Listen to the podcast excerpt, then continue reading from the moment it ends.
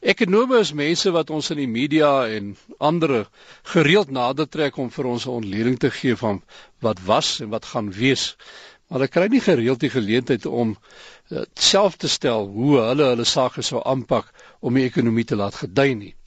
Dawie Rood van die Efficient Groep het gisteraan daardie geleentheid gekry by deur die danksy die Vrye Mark Stichting hier in Johannesburg.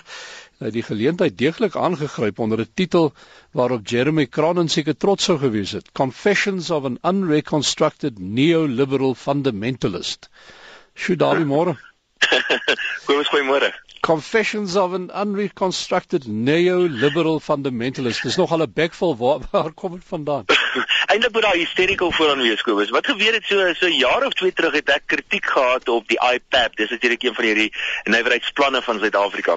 En Jeremy Cronin wat natuurlik die adjunk sekretaris-generaal van die kommunistiese partye is, het wy nou nou onder andere nou 'n ander eintlik 'n hysterical unreconstructed neoliberal fundamentalist genoem. Nou dit is natuurlik vir my 'n wonderlike geleentheid gewees om nou om hierdie titel nou aan te gryp en dit om te sit in 'n titel vir 'n praatjie wat ek gisterand gedoen het en ek noem dit nou Confessions of an Unreconstructed Neoliberal uh, Fundamentalist. Die interessante deel vir my is verder behalwe en ons kan miskien oor plan van Suid-Afrika praat, maar wat vir my interessant is en wat so 'n bietjie van 'n stokperdjie vir my is, is kommunisme self. So ek het van die geleentheid gebruik gemaak in my navorsing om so 'n bietjie van die geskiedenis uh, van die Suid-Afrikaanse kommunistiese party so 'n bietjie op te poets, te kyk waar hulle vandaan kom, kyk wat hulle geskiedenis is en ek kan vir jou kort sê dat die Suid-Afrikaanse kommunistiese party is nie kommuniste nie, want hulle is my baie duidelik hulle tog nie die behoorlike kommunistiese uh, literatuur behoorlik onder die knie nie en mens hoor 'n klomp snert wat hulle baie keer praat wat vir my baie duidelik daarop dui dat hulle die filosofie van kommunisme nie eers verstaan nie. Nou ek is nie 'n kommunist vandag nie, maar ek reken ten minste ek weet hoekom. Lyk by hulle is kommuniste, maar hulle weet nie altyd hoekom nie. Geef ons 'n paar voorbeelde daarby waar waar sit die potmis na jou mening? Wel van die voorbeelde is byvoorbeeld Karl Marx gesê daar moet 'n staatlose, daar moet nie 'n staat wees nie. Alles moet aan die aan die arbeiders byvoorbeeld behoort. Nou dis is 'n bietjie filosofies. Nou as jy nou kyk wat die kommunistiese party voor verstaan en wat Kusal en die ANC in 'n groot mate verstaan, is dat hulle wil meer goed sentraliseer. Hulle wil baie sterk sentrale uh, uh beheer oor allerlei goed hê, terwyl dit presies is wat Karl Marx nie voorgestel het nie. Maar jy waarheid te sê, die Suid-Afrika wat ons vandag sien, is eintlik 'n nader refleksie van wat Karl Marx wou gehad het as wat die kommunistiese party nou voorvra. Byvoorbeeld, daar's baie meer individue wat vandag aandele in maatskappye het en betrokke is by maatskappye as in die verlede. En ek dink Karl Marx was baie bly daaroor gewees het. As jy die as jy paadjie volg wat die kommunistiese party uh, voorstel, dan beteken dit meer sentralisasie en meer beheer deur die politici. En dit is presies wat Karl Marx gesê het nie moet gebeur nie. So ons het 'n kommuniste party wat sê jy wat nie kommuniste is nie en hulle besef dit self nie. Hulle besef dit self. Daar's heel wat ander voor, uh, voorbeelde. Nou, ek het nou gaan kyk spesifiek wat se ding is 'n uh, nuwe liberalis wat ek nou genoem word en 'n uh, klompie voorstelle of 'n klomp voorbeelde gekry van die verskil tussen kommuniste en nuwe liberaliste wat ek nou kon sê is. En nou van die voor verskille tussen ons byvoorbeeld is is dat die kommuniste glo in so 'n warm gevoel om die hart warm dinge wat 'n mens moet doen terwyl nuwe liberaliste byvoorbeeld meer glo in produksie en ekonomie. Nou as dit die geval is, stem ek 100% mee saam. Die kommuniste glo ook dat 'n leier is 'n leier leier is 'n leier en 'n leier kan enige iets bestuur. En dit is hoekom ons hierdie sogenaamde kader deployment in Suid-Afrika kry, want eh, 'n uh, leier, 'n politieke leier kan enige ding bestuur. Dit is nie die geval nie. Nou volgens die kommunistiese party en ek stem weer ekie daarmee saam, is 'n neoliberalis iemand wat glo dat mens kry spesialiste wat seker goed bestuur. 'n Neoliberalis is iemand wat glo dat jy moet 'n raad hê vir 'n maatskappy, jy moet 'n uh, verskillende subkomitees hê en dies meer. So so daar is baie duidelike verskille tussen en van hierdie verskille moet ek vir julle sê stem ek nou nogal saam tussen tussen 'n nuwe liberalis wat ek kon sê is en die kommunistiese benadering. Maar goed, jy het nou 'n bietjie gaan na goeders gaan kyk en uh, en en na die Suid-Afrikaanse opset soos hy nou op die oomblik daar uitsien. Wat voor, na jou mening is fout met Suid-Afrika se ekonomiese planne?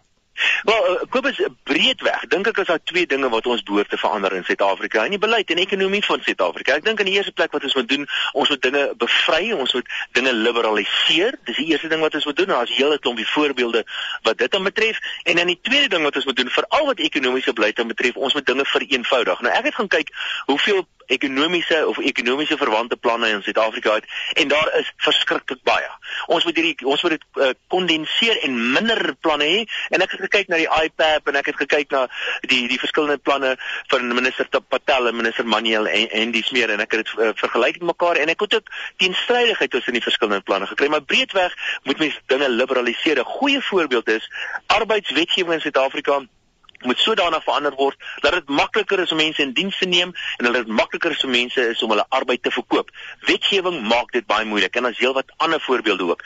'n Voorbeeld van dinge wat onnodig gekompliseerd is, het te doen byvoorbeeld met belasting en die belastingstelsel in Suid-Afrika.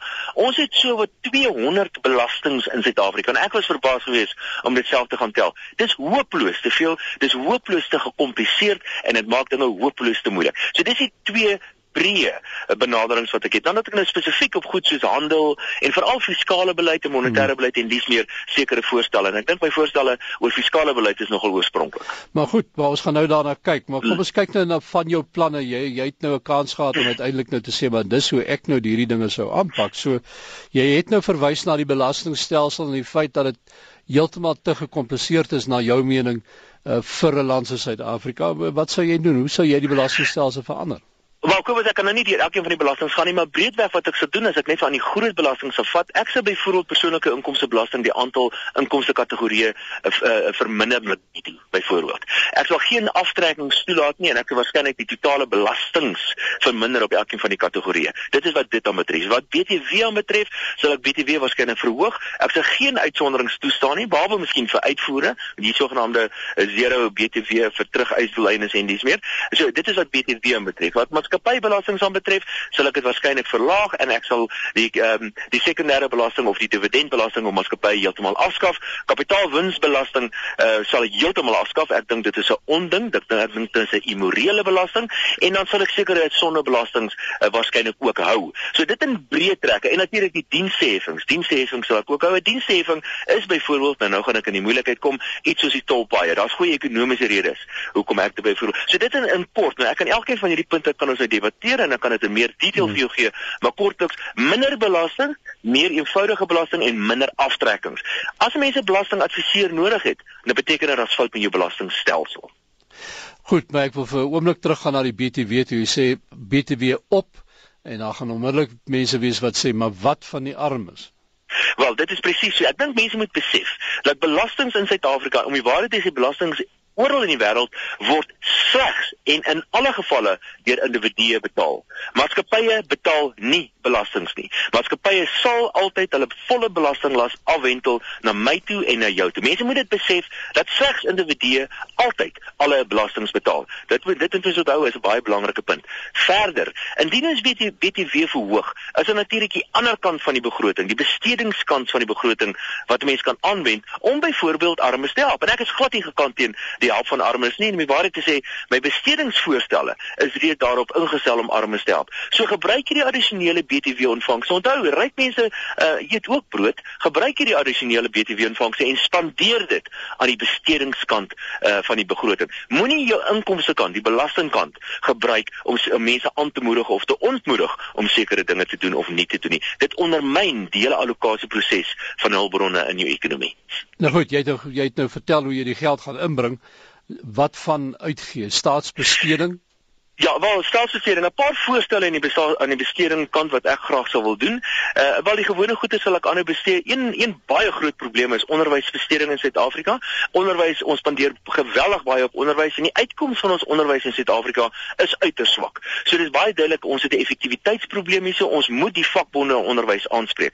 Verder sal ek baie meer magte en autonomiteit aan die aan die uh, die skoolhoofde gee. Hulle hulle hulle moet die regte hê om hulle skole te bestuur soos hulle goedding en baie belangrik ek, ek sal 'n sogenaamde voucher stelsel uh, instel gee vir kinders 'n um, uh, 'n voucher wat hy kan gaan spandeer by die enige skool waar hy wil. Met ander woorde bring 'n bietjie markkompetisie in. Die wat ek veral aan gesondheidsdienste sal verander en dit is nogal iets wat ek dink tog 'n oulike idee is al moet ek dit nou self sê. En dit is actually die departement van gesondheid omskep in 'n reuse mediese fonds en al die mediese fasiliteite sal ek op 'n manier uh, privatiseer of baie meer autonomiteit gee. Die idee is Moenie goed meer sentraliseer nie, desentraliseer dit en gebruik ge, gebruik nog steeds staatsuitgawes uh, en mediese uitgawes om die armes te ondersteun, maar doen dit op 'n ander manier, doen dit soos die privaat sektor dit doen en dit is om die departement van gesondheid om te sit in 'n reuse groot mediese fonds. En dan miskien die laaste voorstel wat wat die fiskale gedeelte aanbetref. Ek sal 'n fiskale raad wil hmm. instel. Hmm. En 'n fiskale raad is 'n onafhanklike raad. Soos wat die Reserwebank onafhanklik is, moet hierdie fiskale raad onafhanklik wees en hulle doel moet wees om 'n sekere fiskale tekort en uiteindelik staatsskuld mikpunte na te streef. En hulle moet dan onafhanklik die BTW koers verhoog of verlaag afhangende van die siklus waarin ons is. Met ander woorde, moenie die fiskale tekort en die skuld doelwitte vir die minister van finansies gee nie. Gee dit vir 'n onafhanklike raad wat dan oor tyd hopelik daar daartoe gaan bydra dat Suid-Afrika se skuldvlakke, die staat se skuldvlakke dramaties daal. So in effek gaan daai raad vir die minister en vir die staat sê Jy het soveel om te bestuur. Bly ja, binne. Nee, nee, nee, nee, die sta al wat hulle gaan doen. Hierdie raad gaan eenvoudig kyk as die minister van finansies byvoorbeeld staatsuitgawes te veel verhoog, dan moet dit ergens hmm. gefinansier word. Dan gaan hierdie hierdie raad, hierdie onafhanklike raad en hy sê hy gaan sit uh, onafhanklik en hy besluit om BTW te verhoog want die minister van finansies het staatsbesteding hmm. soveel verhoog. Dieselfde as die Reserwebank. As jy staat te veel geld uitgee en uh, ons kry opwaartse druk op inflasie, dan gaan die Reserwebank en hulle verhoog byvoorbeeld rentekoerse. 'n soortgelyke tipe van konsep. Maar Dawie dan aan die arbeidskant? Maar arbeidskant dink ek is daar twee breë goedes wat baie belangrik is. Die heel belangrikste ding natuurlik het te doen met arbeidswetgewing en ons het al baie daaroor gesels. Arbeidswetgewing moet sodanig verander word dat individue uh die reg het om vir hulle self te kontrakteer. Dit is 'n werkgewers en werknemers. Dit moet nie sentraal gedoen word nie. Uh, met ander woorde, ek sê net eenvoudig die arbeidswetgewing soveel as wat ek moontlik kan uh, liberaliseer en vrymaak om arbeid toe te laat om self te besluit hoe hulle arbeid wil verkoop en dis meer. En natuurlik moet ons iets sien aan die vak vakbonde. Die vakbonde in Suid-Afrika is is hopeloos te sterk. Dit is sekerlik die die sterk wat die hond rondswaai. Ek het byvoorbeeld statistieke gewys hoe arbeidsproduktiwiteit uh, teenoor arbeid uh, arbeidseenheidskoste in Suid-Afrika gestyg het. Ons betaal al meer en meer en meer vir arbeid en die produktiwiteit van arbeid hou net eenvoudig nie tred nie. Uh, 'n Baie belangrike punt is een van die redes hoekom ons baie hoë vlakke van werkloosheid het, is eenvoudig omdat arbeidswetgewing dit moeilik maak vir die werklooses om te kompeteer met wat met die mense wat wel werk het. Dit is inderdaad 'n tydbom en ons moet dit so gou as moontlik aanspreek. Dawie, dan kom ons by handel en uh, dit is 'n uh, saak wat nie afgelope tyd weer aandag geniet nie. Ons het allerlei sendinge oor see. Uh, wat wat gaan jy daar doen om dit te verbeter?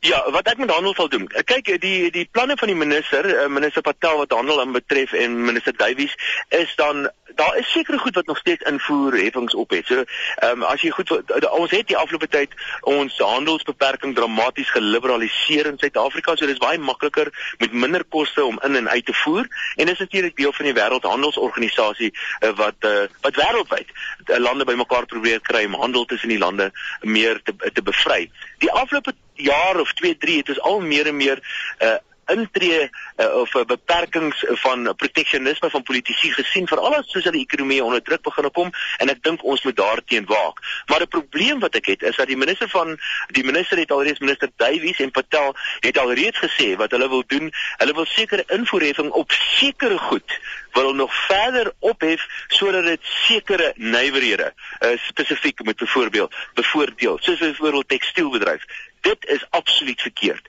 Die minister, geen politikus, is goed daarmee om 'n kampioen of 'n werkende industrie te identifiseer nie. So wat wat die minister wil doen, hy wil handel gebruik om sekere nywerhede spesifiek te bevoordeel.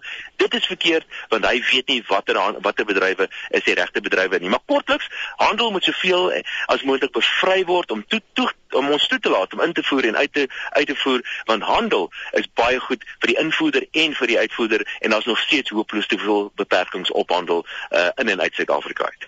Uh, dit bring my by die laaste punt nou maar miskien een van die heel belangrikste punte ook en dit is uh, die hele kwessie rakende monetêre beleid. Uh, minder afhanklik, meer afhanklik, uh, onafhanklik Ek is ek is grootliks tevrede met die wyse waarop monetêre beleid in Suid-Afrika bestuur word. Ek het daarop ek het baie duidelik gewys ook gisteraan dat een van die redes hoekom ons 'n uh, 'n uh, uh, borrel gehad het aan einde om in Suid-Afrika was onder andere omdat rentekoerse te laag is, maar dit is nou nie die hele punt nie. Ek dink grootliks word monetêre beleid in Suid-Afrika reg bestuur. Wat ek wel se verander in steede daarvan om 'n inflasie band te hê van 3 tot 6%, sal ek eerder 'n punt 'n uh, mikpunt wil hê vir inflasie in Suid-Afrika. Uh, as jy 3 tot 6% inflasie band het, dan word dit onvermydelik word dit uh, nou maar 6% op die ou end. So ek sou eerder 'n laer inflasie wil teiken in my voorbeeld wat ek sou wil doen is ek sou eerder inflasie op 2% wil teiken.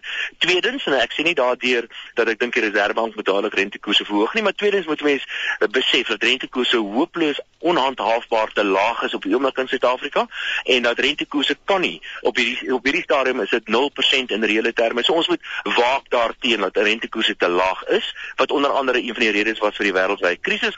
Ehm en uh, en dan die laaste is dink ek wat belangrik is is dat mense moet miskien so klein bietjie aandag gee aan sogenaamde monetêre groothede en ek verwys spesifiek na byvoorbeeld uh, geldvoorraad en die toename in geldvoorraad. So grootliks is ek tevrede met monetêre beleid. Ek sien 'n paar dingetjies so klein bietjie verander en dis die belangrikste sou wees om die inflasie mikpunte afwaarts aan te pas.